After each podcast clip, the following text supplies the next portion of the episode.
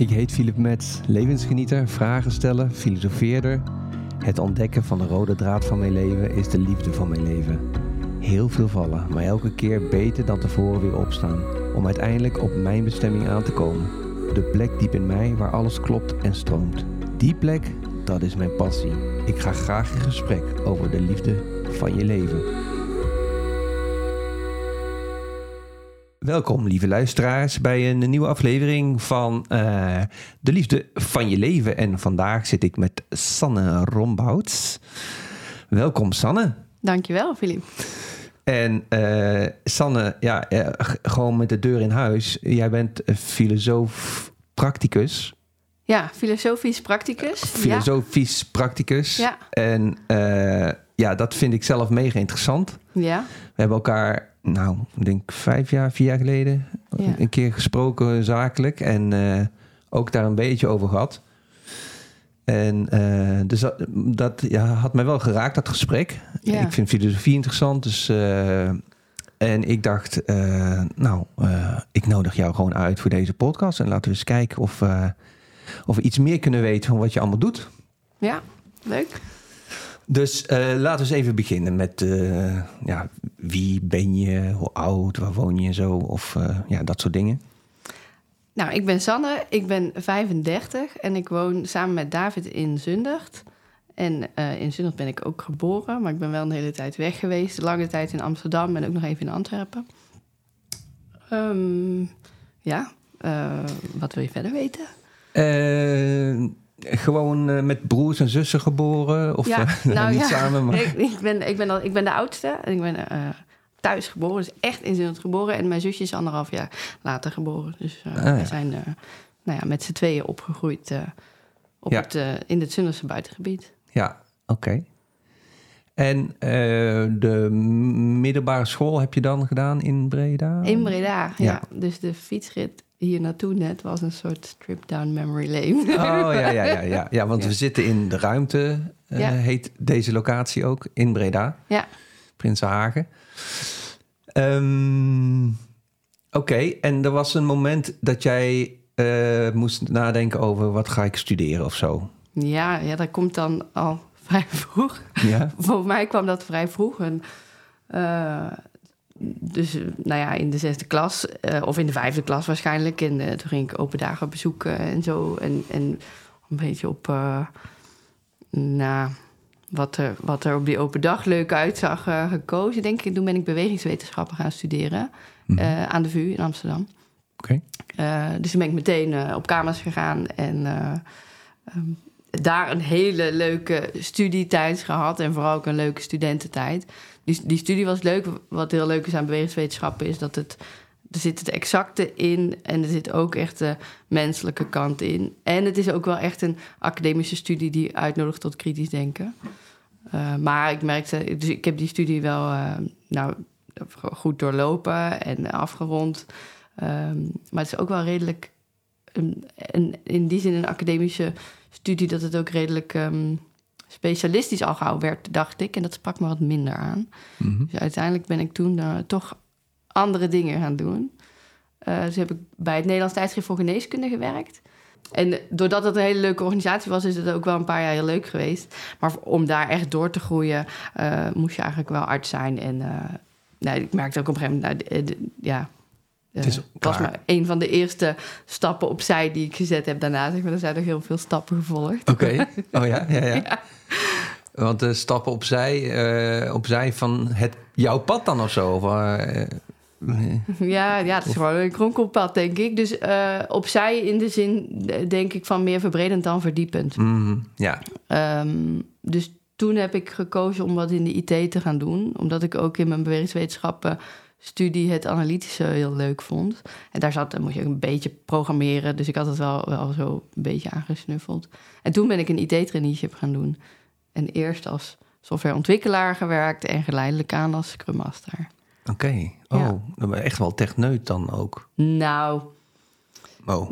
dat, is, dat is niet heel veel meer dan een blauwe maandag. Oh, Oké, okay, okay. ja, je bedoelt het programmeren. Want de, de Scrum Master... Master wel, dat doe ik nog steeds, ja. Ja, ja dus naast al het filosofische wat ik doe, ja. werk ik ook nog als Scrum Master, ja. Nou, en dan heel even voor de mensen die niet weten wat een Scrum Master is. Ja. Uh... Uh, een Scrum Master begeleidt uh, over het algemeen teams in de IT. Die werken volgens uh, het framework Scrum. wat de manier is om empirisch, op basis van ervaring, iets, producten te ontwikkelen, software of iets anders. en ik begeleid ze dus vooral in dat empirisch werken. Dus daarmee steeds leren van wat ze gedaan hebben. Daarin steeds beter worden. Steeds weer feedback van de gebruikers meenemen in het steeds beter daarop aansluiten. Ja, oké. Maar dus dat was een, uh, een uitweg van het kronkelpad, of hoe noemde je dat net? Een ja, uitstapje? Ja, een stap opzij noemde stap ik opzij. Mij, ja, ja. En uh, want hoe, wat heb je daarna toen gedaan? Want wat, uiteindelijk om dan nu filosofisch practicus te zijn, wat, wat is daar aan vooraf gegaan? Ja, dat is, ik denk, wat, wat in ieder geval duidelijk um,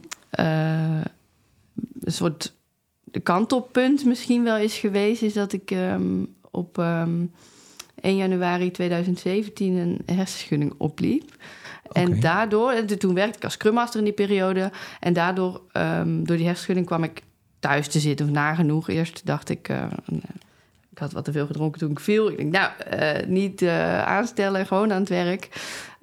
dus dat deed ik eerst ook, maar op een gegeven moment bleek wel dat dat mijn herstel niet bevorderde. Dus heb ik een tijd bijna helemaal thuis gezeten. En die periode heeft mijn eigen reflectie op wat ik aan het doen was en wat ik wilde doen, behoorlijk versneld, denk ik. Ja. Dus ik was al wel in die periode daarvoor bezig met wat wil ik nou eigenlijk? Is, zit ik hier op mijn plek? Um, die vragen die leefden wel, maar ik kwam daar niet echt verder mee totdat ik thuis kwam te zitten en wel ineens veel meer ruimte had om te denken. Ja,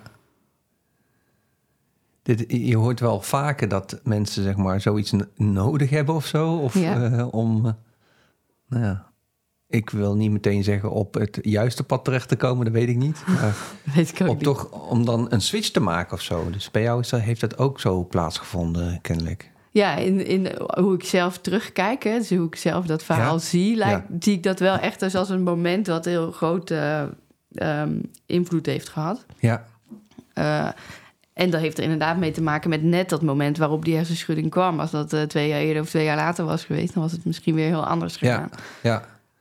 Ja, dan zou je ook nog kunnen denken, maar dat gaat wel ver, denk ik, voor dit gesprek. Van is het dan eh, toeval of niet? Maar Ja. eh, dat is wel, vind ik wel een interessante. Het is een hele interessante. en, en, en typisch zo, denk ik, maar dan maken we al een beetje een stap vooruit in, in het denken en in het niet weten. Typisch iets waar, waarvan je die vraag kun je stellen, maar het is de vraag of je hem ooit helemaal kunt beantwoorden, Ja, zeker. denk ik. Nee, dat, eh, dat weet ik ook niet. Nee, nee ja, dan kom je zeg maar op een soort van eh, innerlijk weten of zo hooguit. Maar eh, niet op een wetenschappelijke manier aantoonbaar. Nee, nee. Dus, maar goed, even goed. Jij hebt toen een switch gemaakt. Of iets. Ja, dus toen, ehm, het was begin 2017 dat ik dus die hersenschudding had. En in het begin zat ik heel veel thuis en geleidelijk steeds minder. Maar die vragen van wat wil ik en welke keuzes wil ik maken, die, die bleven. En het werd mij steeds duidelijker in dat proces. kwam voor mezelf meer ruimte om te denken. En ook wel, ik merkte dat ik door mijn piekeren heen kwam of zo. Of door mijn frustraties of blijven hangen heen kwam. Dat ik meer ruimte had, niet alleen om te denken, maar ook over dat denken. Van hey, welke patronen zie ik daar nou in? En uh, wat komt daar steeds terug? Of welke aannames heb ik blijkbaar? En, en die ook te gaan be bevragen. En daarmee, en ook met, ik heb veel podcasts geluisterd ook in dat jaar. In, in, en denk wat ik verder dus tot me genomen heb, dat ik steeds meer interesse in filosofie ontwikkelde. Hoewel die er al wel was in mijn bewegingswetenschappenstudie, kregen we ook een aantal filosofievakken. En daar merkte ik ook al wel dat dat me juist heel erg aansprak. Ik zag bij anderen ook die, die daar niks mee konden. Maar voor mij was dat altijd al wel, waren dat de vakken waar ik enthousiast van werd. Um, maar die, die latente interesse die is in dat jaar dus behoorlijk gegroeid.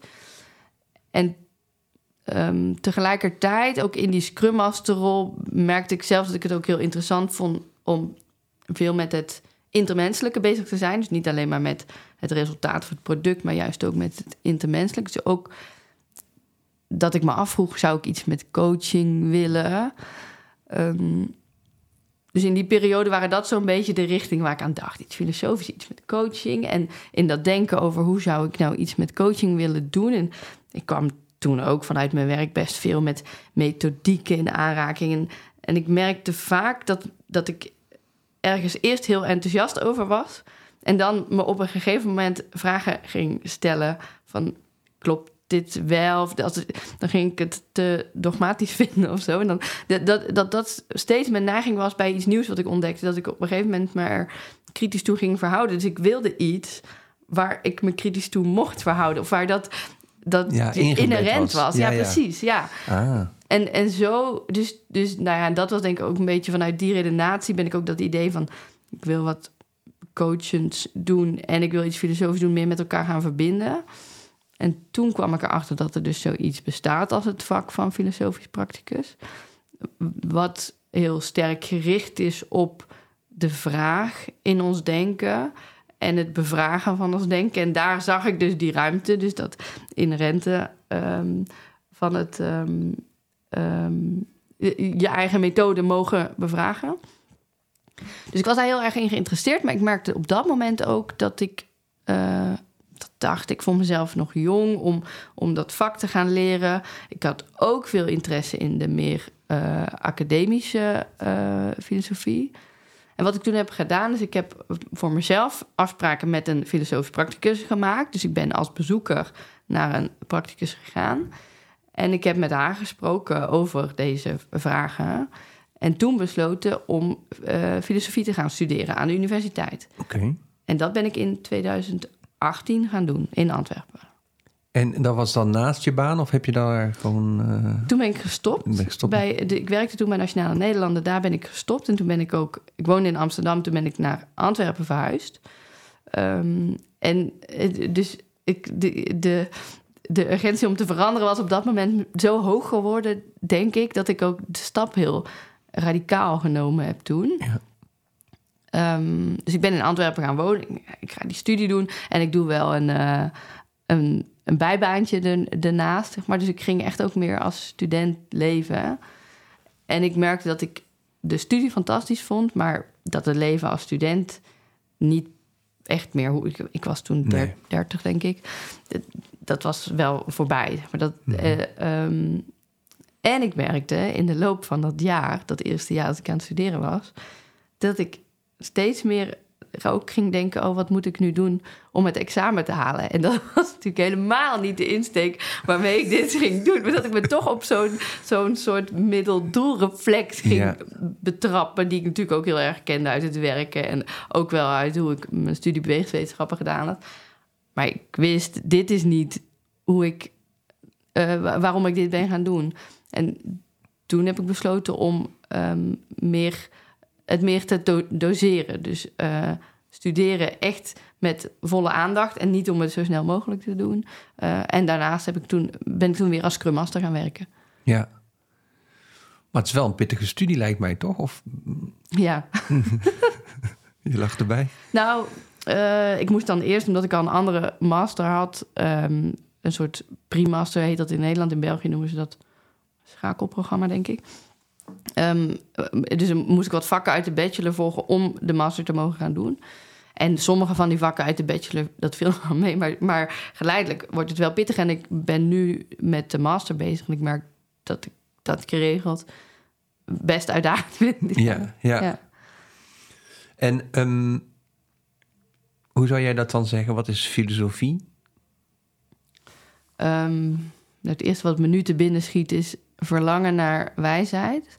Mm. En dat, dat verlangen daarin is belangrijk, denk ik. Hè? Dus dat, daarmee zeg je echt iets anders dan dat het wijsheidsleer is Nee, of iets dergelijks. Het steeds weer daar naartoe willen en het willen benaderen, wetende dat je er nooit, of dat we er ook nooit helemaal komen. En, en dat is heel mooi, mooi aan. Wordt soms ook vergeten, denk ik. Het is wel te veel. Ja, omdat men eh, wil eigenlijk graag een uitkomst. En eh, het gaat hier eigenlijk veel meer om het pad dan misschien of zo. Of- Of het bevragingspad of het Ja. verlangen, ja, wat je, wat je noemt. Wat, ehm, verlangen naar wijsheid. Het is, het is niet wijsheid op zich, zeg jij. Het is gewoon meer het verlangen naar wijsheid. Of- Ehm, ja, dat. Ehm, als je vraagt wat filosofie is, dan zou ik dat wel zeggen. Dus dan is het die, die beweging daar naartoe en daar weer steeds dichterbij willen komen. Ehm, wat wijsheid dan is, is ook een belangrijke vraag natuurlijk. Nou, stel je eigen vragen. ja, ja. Dat lukt me wel, denk lukt ik. wel. Ja. Beter dan antwoord geven misschien. Ja, wat wijsheid dan is... ehm, eh, daar, hè, dat zei eh, Socrates, de Mhm. oude Griekse filosoof... voor zover we weten wat hij zei... want hij heeft dat zelf maar niet opgeschreven. Heel goed. Ja, ja, dus... Ik hou van dat soort nuances, want we doen altijd alsof we het allemaal weten. Maar Nee, dat valt dus wel mee. En dat is precies, nou ja, dat en ook wat je nu zegt, daar zit ook wat, wat ik er zo mooi aan vind. Maar en, en ook in wat wijsheid is dus, hè. Het, ehm, eh, de meest wijze is hij die weet wat hij niet weet en die beseft wat hij niet weet. Eh, dus dat is een heel nederige houding, maar het is ook een houding waarin je dat niet uit de weg gaat. Dus wat niet? het, het niet weten. Nee, precies. Dus je steekt niet je kop in het zand of je, en je, je durft wel de vragen te stellen. Ik denk dat dat een belangrijk onderdeel is Ja. van wat wijsheid is. Ja, en dan vind ik het eigenlijk best kloppen dat dat, zeg maar, hoe ouder je wordt, hoe wijzer daar, je daarin zou kunnen zijn, zeg maar. Omdat door levenservaring ga je vanzelf naar achteren eh, op de dingen, vind ik dan. En naar achteren bedoel ik, eh dan zit je niet midden in de waarheid of zo. Je bent veel meer beschouwend, Oh ja? vind ik. Heb je dat niet? Eh, nou, wa- waar, wat net Ja, maar ik ben door me heen- 54, hè? Dus Ja, dat scheelt even. 20 jaar. dan, dan zal ik dat vast herkennen. Nou, wat ik, waar ik aan moest denken is als kind. eh, dat had ik in ieder geval. Dat je denkt dat, dat er een punt komt dat je het allemaal weet. Dat je, voor- als je volwassen bent, dat je weet hoe het werkt.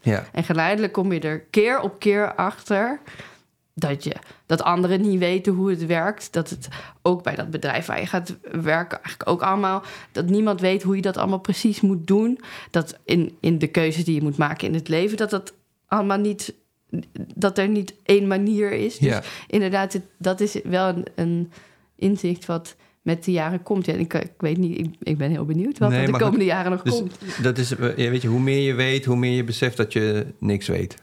Ja. Dat komt eigenlijk een beetje. Ja, neer. niks weten weet Of- is ook oh. weer... Of wa- wat je... Het mag nog wel soms een... Ik denk in het uitdrukken van een vraag... weet je natuurlijk altijd ook wel weer ja, iets wel. dat klopt. Oké, want we, het is goed dat je het zegt, want ehm, jij bent dus filosofisch practicus. En het gaat dus ook over vragen stellen. Ja, En dan is eigenlijk mijn vraag nu: wat is een goede vraag? Is dat te definiëren ook? Of te definiëren... ehm, een, een goede vraag is denk ik een vraag waarop je oprecht, hè, dus degene die hem stelt, het antwoord niet weet of echt niet durft te weten. Maar dan zeg ik misschien meer iets over de manier waarop je met die vraag omgaat, dan over de vraag zelf per se. Ehm, ik denk dat ook een goede vraag een vraag is die zich kan ontwikkelen. Dus die, die weer, nou, die sowieso zelf bevraagd kan worden. Ja. In, in elke vraag en met elke vraag die je stelt, eh, dat zei ik net ook al een beetje, denk, zeg je ook iets wat je wel weet. Mhm. Ehm, zelfs met een heel eenvoudige vraag als wat is wijsheid, eh, al in het gebruik van het woordje is, veronderstellen we iets. ja, Ehm, maar me- bij heel veel vragen die we alledaags stellen, zitten nog veel meer dingen die we, die we denken te weten. Als, als ik vraag, eh, ehm, hoe kan ik beter samenwerken met mijn collega's? Dan denk ik al te weten dat dat kan. ja, precies. ik denk ook te weten wat samenwerken is. Ja, ja. En daar zit van alles in. En een goede vraag, of ik denk een goede omgang met de vraag, is daar in ieder geval ook naar durven kijken. ja precies. Dus, dus in, in die zin bestaat misschien niet per se een definitie van wat is een goede vraag, maar meer is er ruimte om ook naar die vraag te kijken. Ja, Ja, precies. Ja. mooi. Want jij, jij, jij hebt een praktijk.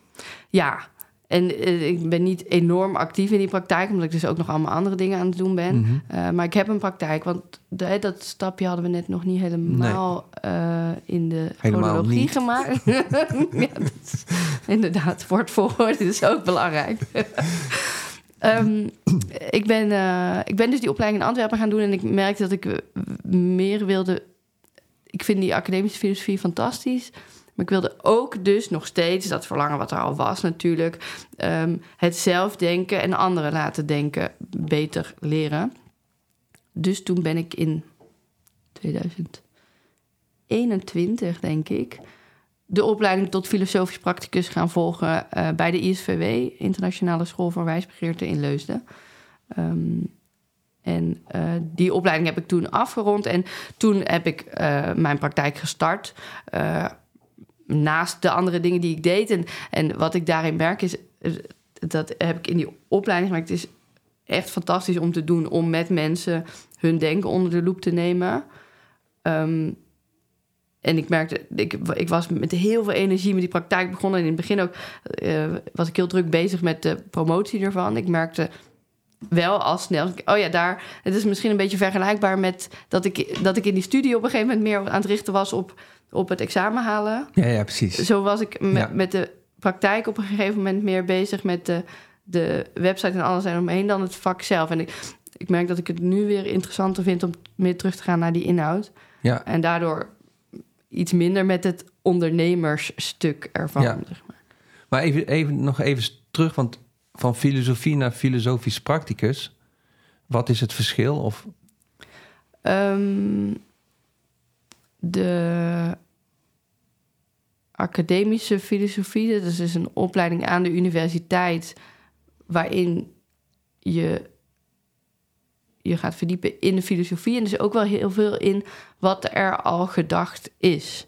Zeker in die bachelorvakken die ik heb gedaan, ehm, ga je heel veel ook de geschiedenis van de filosofie. En dan wordt ook wel eens gezegd van dat is niet filosoferen, maar filosofen leren. Hè? Dus Ja, daar. ja. ehm, en, en dat is eh, heel goed, omdat alles wat wij nu denken gevormd is door wat er in het verleden is gedacht. Maar dan ben je nog niet zelf aan het denken. Eh, en ik merk nu in de master filosofie aan de universiteit dus wel dat daar meer ruimte is om ook jezelf te gaan verhouden tot de teksten die al geschreven zijn. Het het, je gaat bijna altijd met Ja. een geschreven tekst aan de slag.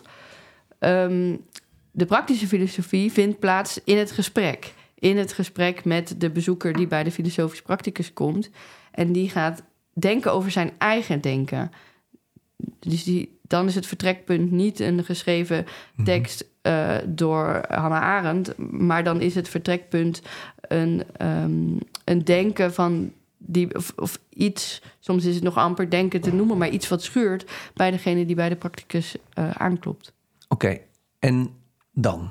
En dan, Ik heb iets wat scheurt en ik kom bij jou aan. Kloppen. ja, ja aankloppen, letterlijk of figuurlijk.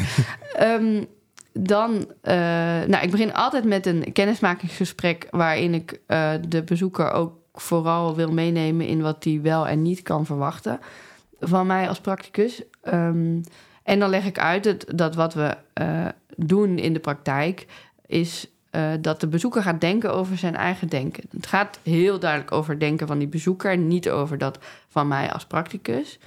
Ehm, en ehm, waar ik de bezoeker in meeneem, is dat denken onderzoeken, dat denken bevragen en niet eh, zich richten op een antwoord of op een oplossing.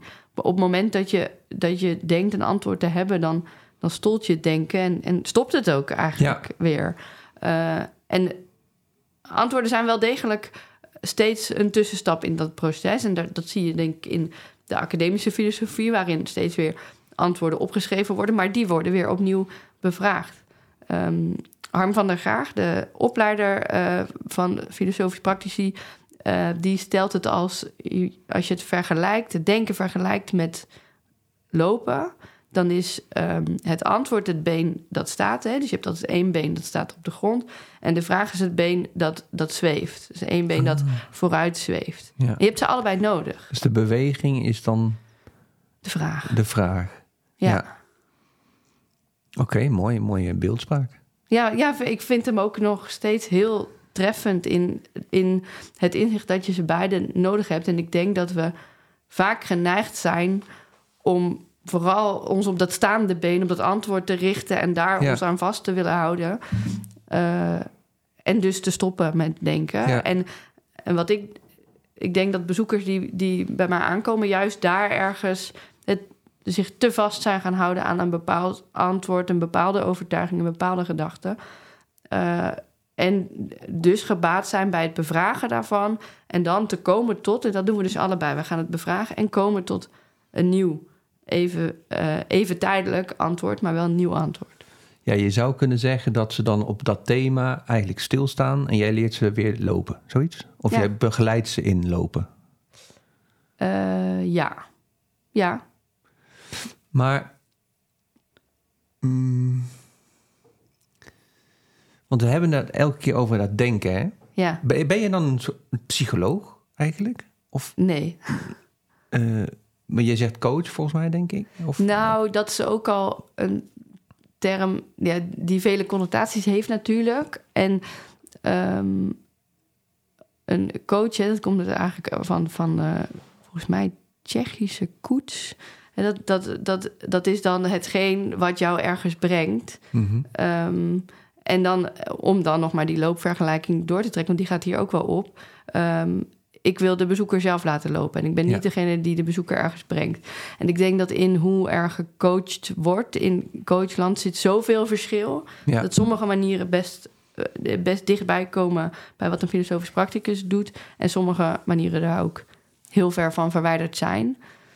Um, ja, persoonlijk vind ik gids een, een mooier woord daarin. Maar ik weet niet of dat bij jou resoneert ook. Maar... Ja, gids weet waar je heen gaat, hè? Oh, dat is waar. Ja, oké. Nou, dan ga ja. Ik vind het wel een mooi woord, maar voor wat, wat ik doe, um, ja. zit daar een verschil, denk ja, ik. Ja, snap ik. Ja. Um, oké. Dus je geeft gewoon een kompas en het kompas te leren gebruiken en uh, doe je ding. Ja, ja en, en we beginnen al, we gaan dat kompas dan meteen gebruiken met het materiaal van de bezoeker. Dus we beginnen meteen met waar, waar hij of zij over denkt. En uh, welke begrippen daar een rol in spelen, welke vooronderstellingen daar een rol in spelen en welke vragen daarbij te stellen zijn. En welke, welke drogredenen daarin zitten, dat zijn dingen die ook aan de orde kunnen komen. Dus als iemand heel uh, vast zit aan dat ene antwoord en, en uh, die gaat daar onderbouwingen voor geven, dan, dan komt er al gauw iets van een redenering die niet helemaal klopt. En dan gaan we eens kijken waar rammelt dat dan en hoe zit dat dan precies? Ja. Um, ja, je moet even nadenken, omdat je hebt het ook over overtuigingen en patronen. Die zeg maar, dus dat zijn denkovertuigingen. En ja, dus altijd denkovertuigingen, maar oké. En patronen en, en, en die verhinderen vaak of wellicht uh, iets wat daaronder zit of zo. Uh, ik weet nog bijvoorbeeld, uh, ik heb zelf een voorbeeld. En ik heb een paar jaar geleden had ik een sabbatical genomen en toen kwamen allerlei overtuigingen voorbij. Dat ik dacht van, maar waar, wat is dat voor een onzin? Dus bijvoorbeeld dat mijn opa uh, zei van, ja, niet alles is altijd even leuk in het leven, Philippe. En daar leefde ik wel naar. Ja, niet alles is altijd even leuk. En op dat moment was mijn werk voor meer dan 50% niet leuk. Dus ja, mijn opa had wel gelijk. En toen dacht ik, maar wat is dit voor onzin eigenlijk? Ja. ja. dit, is, dit is zo, uh, ja, een programmering. Ja. Uh, dat ik dacht van, bedoel, ik snap wel dat je, dat je misschien 10% over moet houden van dingen die je niet leuk vindt. Uh, kamer opruimen, I don't know, of administratie, whatever. Maar waarom zou je niet zeggen van het leven is gewoon voornamelijk heel erg leuk en dat is dan vanaf nu mijn overtuiging. heb je een hele andere Ja, basis. Ja. Ga je met dat soort thema's ook aan de slag? Met dit soort overtuiging of patronen? Met zo'n zo'n overtuiging, dat zou zeker kunnen. En ehm, wat, wat dan gebeurt, is denk ik eerder de- hè, de- dat we dan dat samen met de bezoeker komen tot een eh, vraag. Nou, eerst misschien eh, hoe leuk moet het leven zijn? Dat we ook wel ver- verder gaan. Eh, zouden we ook eens gaan kijken wat leuk dan eigenlijk Ja. is. Is in, in, in de formulering hier de interessante term. Wat is Ja. leuk? En dan gaan we daar eens naar kijken. En, en ook in dat denken daarover Ja, zit weer van alles. ja. Want wat is jouw dan, wat is jouw, eh, nou, ik zeg het wel even, maar het is het beste woord wat nu in me opkomt, maar ik wil dat dus niet op jou plakken. Maar wat is jouw roeping hierin dan? Of wat, heb jij behoefte om mensen te helpen daar? Of vind je het gewoon, ja, snap je een beetje wat ik, eh, waar ik naartoe wil? Van waar- waarom doe je dit? Ja, ehm, ik snap waar je naartoe wil. Ik ehm, heb zelf, hè, dus dat is ook wel dat, dat inzicht wat je gaandeweg krijgt. Eh, Er is heel veel wat we misschien denken te weten, maar dat is niet zo. En dat kan, eh, dat kan je behoorlijk in de weg zitten. En dus ik, wat ik wil, is mensen helpen met, nou ja, dat uit de weg ruimen. Misschien wel op zijn minst kritisch onderzoeken. Ehm, en ik denk dus het, het cultiveren van een soort. Aan de ene kant is het een nederigheid in het denken, en aan de andere kant is het een vertrouwen in het denken.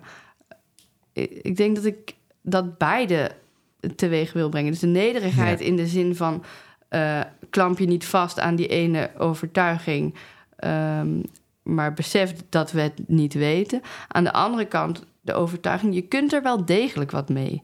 Ja. Ja, dat snap ik. En nu hebben we het dan de hele tijd over denken. En bij mij komt er dan toch ook iets. ehm, hoe, hoe relateer je dat aan het voelen? Denken wij niet veel te veel eigenlijk? En moeten wij niet veel meer voelen? Ja, dat, dat is een overtuiging die ik wel veel, ook tegenwoordig veel hoor. Ja, Ehm, ook een overtuiging, ja. Nou, Ja. of. Nou, nou goed, of het het was een vraag. Je stelde een vraag. Ja, klopt. ja, het is wel mijn overtuiging overigens, maar. Oké, nou, voor de record. Ehm, ja, dat is een belangrijke vraag, denk ik. Hè? Ook het, eh, eh, je zit te veel in je hoofd of zo. Dat wordt ook nog wel eens gezegd. En eh, ik denk dat hier wel verschillen zijn in wat dan denken is. We denken vaak niet goed, denk ik. We denken vaak instrumenteel. We doen veel werk met ons hoofd. We zijn veel bezig met wat moet ik morgen nog doen? Eh, welke e-mail moet ik nog sturen? Dat, dat is veel beter. En daarin denk ik wel dat het, het lichaam nogal vergeten wordt.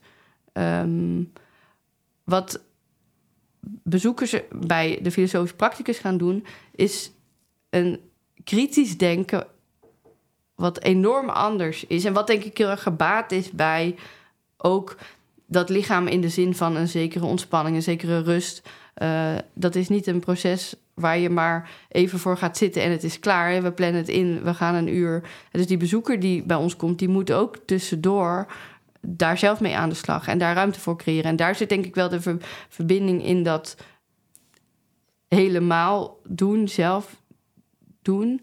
Ehm, en moeten we meer gaan voelen?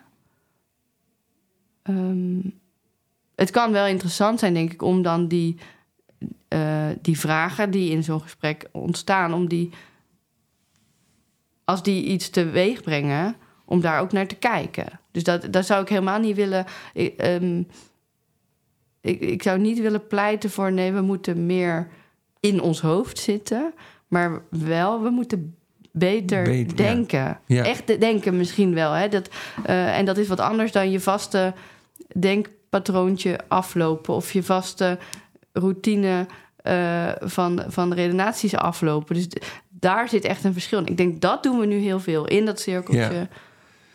En eh, deze vraag is denk ik niet ehm, volgens de theorie van filosofus practicus die ik nu ga stellen. Oh. Maar ehm, ik krijg dat, eh, intuïtie. Ja. Herken, her- herken jij die? Laat ik daarmee beginnen. Van, is dat een, eh, een concept waar we over kunnen praten? Dat eh, zo, het is zeker een concept waar we over kunnen praten. En het is een fantastisch begrip om te onderzoeken, denk ik. Ja, want, want ik, ha- mijn vraag is daarin, maar daarin sla ik dus wat voorvragen over. maar ehm, is intuïtie dan ook denken? Of is, ja, snap je wat ik bedoel? Eh, ehm, is dat wat anders? Is dat, is dat buikgevoel dan? En, Ehm, ja, eh, ik zou hem dus ook zelf, hè, dus dan, dan gaat het ook over mijn denken over intuïtie, best nauwkeuriger, en dat kunnen we misschien wel een stukje doen nu hoor, eh, willen onderzoeken van wat is dat dan. Ehm, dus eh, wat jij meteen doet, en dat is heel leuk, is, is eh, intuïtie als begrip, is dat nou een soort denken? Is het een soort voelen? Ehm, is het misschien nog iets anders? Ik, Ja, ik weet het ook. Dit is, ik heb hem dus niet dusdanig, het begrip intuïtie op zich, zo doordacht dat ik deze antwoorden nu heb. Mhm. Ehm, het is wel iets wat, denk ik zelf, denken kan worden. Grappig genoeg, in, ehm, in de academische filosofie wordt heel vaak ehm, ook in, de, in gesprekken, in verkennende gesprekken, ook wel die term intuïtie. eh, of een soort. In, in, in- ik volg college in België, dus in, dan, daar hebben ze het ook vaak over een soort aanvoelen. Mhm. Ehm, en dat is dan nog- dus nog niet iets wat, wat al beargumenteerd of onderbouwd is, maar dat er wel een soort aanvoelen is. En ik denk dat. Dat zou een soort voorlopige eerste bewering of zo zijn die ik daarover zou willen doen. Dat, dat het intuïtie of dat aanvoelen, dat kondigt iets aan. En daar kun je verder over denken. Mooi, ja. Ja, zoals ik hem zel- zelf eh, zie en ervaar, en dat is dus een overtuiging, dat klopt, maar is dat zeg maar, in- intuïtie noem het dan even buikgevoel. Ja, En dan heb je zeg maar je denkproces, of misschien meer ego-achtige gebeuren, maar dan gaan we weer een ander begrip introduceren. Daar is het heel Nou ja. gevaarlijk nu, maar Ja. oké. Maar dat ik merk dat daar een soort dialoog plaatsvindt tussen die twee. oh ja. En ik doe dan ook echt de beweging van mijn hoofd naar mijn buik zo. Ja, Zeg maar, weet je, wij nemen veel mensen aan.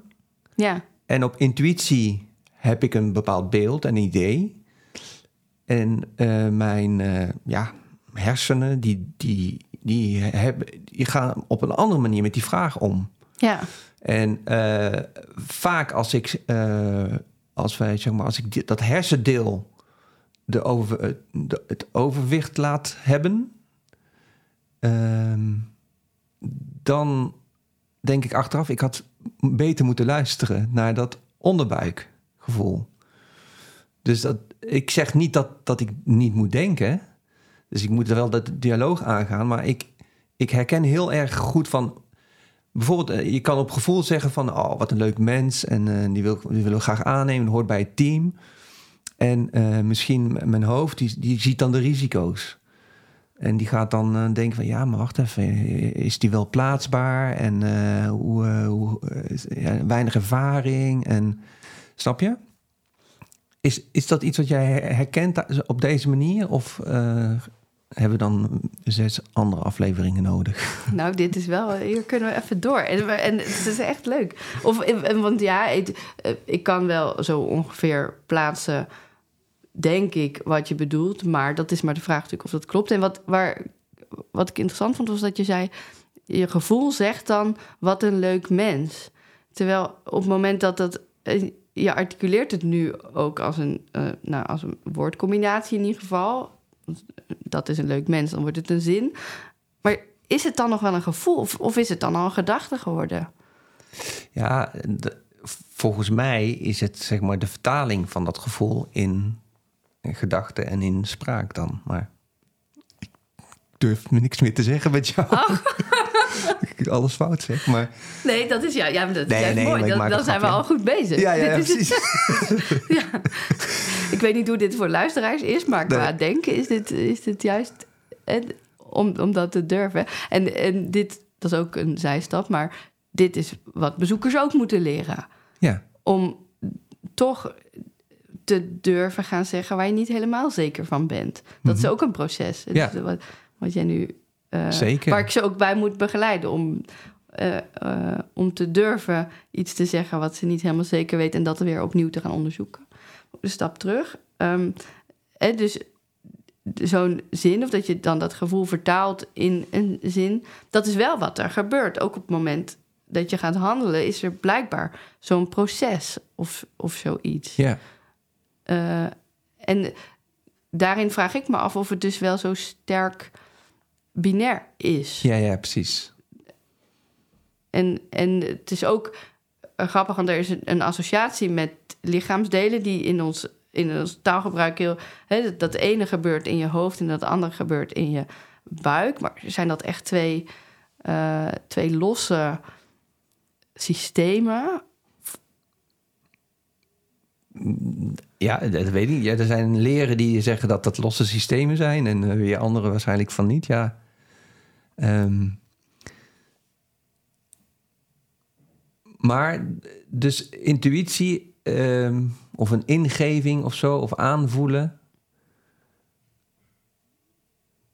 Hoe relateert zich dan tot het denken dan? Kunnen we daar, kun je daar een... eh, Ik vermoed dat, ehm, dat het juist hetgeen is waar we heel veel vragen bij kunnen stellen. Dus, en dat betekent niet dat het niet waar is, maar ook niet dat het waar is. Hè? Dus het lijkt eh, misschien alsof we daar moeten kiezen. En dus er komt een gevoel, dat is een leuk mens. Er ontstaat het idee dat je aan de ene kant eh, de ratio moet laten zegenvieren... en dat zo'n gevoel niks waard is. En aan de andere kant dat het, dat het de grootste waarheden zijn. En ik, ik denk dat het vooral de start van een onderzoek is. En dat Mooi. het, dat het allebei kan zijn. ja, dat is eigenlijk best bevrijdend als je het zo zegt. Nou ja, en dat, ja, Ja, ik zag je hoofd ook meteen eh, op eh. Ja, en eh, zat ik ook in, ineens te denken, ik kreeg een ingeving. Hoe ben jij dan als vriendin? Hebben jullie hele semantische discussies of hele, snap je? On, on, eh, Ehm, be- be- bedoel je van David, van mijn partner of in, in vriendschappen? nou ja, in dit geval dan van David, maar Ja, heb je last van jezelf hierin? Eh, soms misschien wel, maar eh, ik, ik weet ook wel inderdaad dat ik daar niet de hele tijd mee aan moet komen. En dat is ook, ja, dus ik, het is ook wel een houding die ik niet continu heb. Ik ben wel vaak degene die die vragen stelt. Dat is wel, denk ik, maar dat is nog wel wat algemener. hè. Dus dat is wel een houding die ik, die, die ik vaak heb, maar voortdurend inderdaad bij elk begrip stilstaan. Ik weet wel van andere praktici die dat wel zeggen hoor, die aan de keukentafel voortdurend ehm, daarmee bezig zijn. Maar ik merk ja, gewoon in het alledaagse. Ik weet ook wel dat het niet, dat, dat niet de hele tijd de aard is van, van een conversatie die, die we hebben. Nee, precies. Ehm, en dat ik ook niet de hele tijd in mijn spreekkamer zit. Dus dat valt wel mee, denk ik. Ja, oké. En kan jij dan zeggen van, eh, want de, de podcast is, eh, gaat over de liefde van je leven. Ja. En daar bedoel ik een beetje mee. Als die bestaat, de plek eh, diep in jou of whatever, waarin je voelt van, hé, hey, hier zit ik eigenlijk op mijn gemak, hier stroomt het, dit is wat ik moet doen in dit leven. Is, is dat, eh, relateert zich dat tot het eh, filosofisch practicus voor jou? Of zit jij echt gewoon op jouw bestemming? Ja, eh, zonder dat je er- bent, maar is dit gewoon wat je moet doen? Ehm, ja, ik vind filosofisch practicus daarin nog te smal, denk ik. Ehm, dus, dus dat heeft, heeft daar zeker mee te maken. Maar dat is voor mij, denk ik, meer het ruimte creëren om te denken. En dat kan dan ook nog wel breder zijn. Ja, Maar daar heb ik wel iets ervaren, inderdaad, dat ik.